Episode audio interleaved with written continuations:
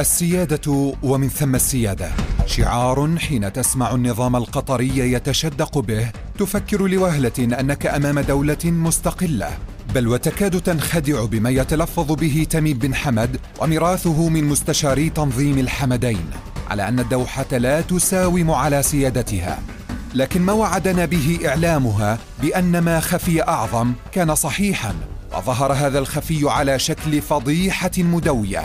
عرت قطر تماما عندما نشرت وسائل إعلام سويدية وثائق الاتفاقية العسكرية التركية القطرية التي أقل ما يمكن وصفها بالمذلة وبأنها احتلال بالتراضي سلم من خلالها نظام قطر مفاتيح البلاد للجنرالات والجنود الأتراك الذين يحق لهم وفق بنود الاتفاق ممارسة ما يشاءون من خرق للسيادة والقانون. دون أدنى مساءلة بل لا يحق للسلطات القطرية مجرد استدعاء هؤلاء عند ارتكاب مخالفة ما.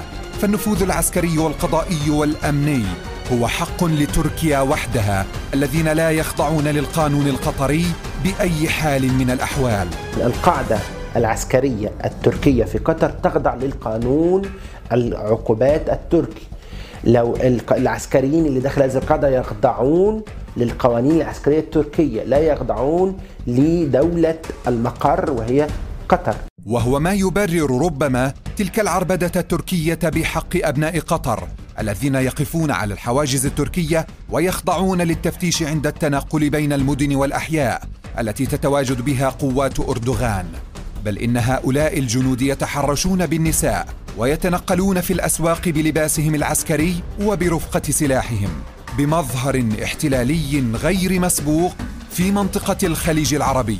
القاعدة العسكرية التركية في قطر وموضوعها في هذه المنطقة هدفه آه، حماية العرش وحماية قصر الوجبة وحماية الأسرة الحاكمة في الدوحة. النظام القطري لا يخجل ولا يشعر بالحرج عندما تقول لها أنت نظام تحتمي بقواعد أجنبية أنت نظام تدخل أراضي أو آه، جنود أجانب على منطقة الخليج وتكسر فكرة العرف الخليجي أن كل الدول حاضنة لبعضها البعض.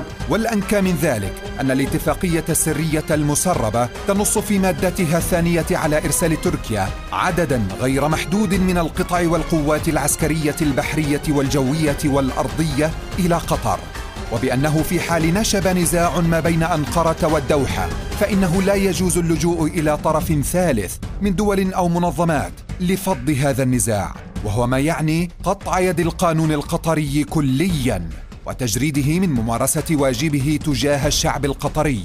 بل على العكس فإن هذا القانون بمواده التعسفية واستثناءاته الأميرية تسمح بنفي وإخفاء أي قطري يتعرض أو يعارض سلوك نظام بلاده. في جلب المحتل الغريب وسلخ الدولة القطرية عن محيطها بحجة السيادة وعدم التبعية.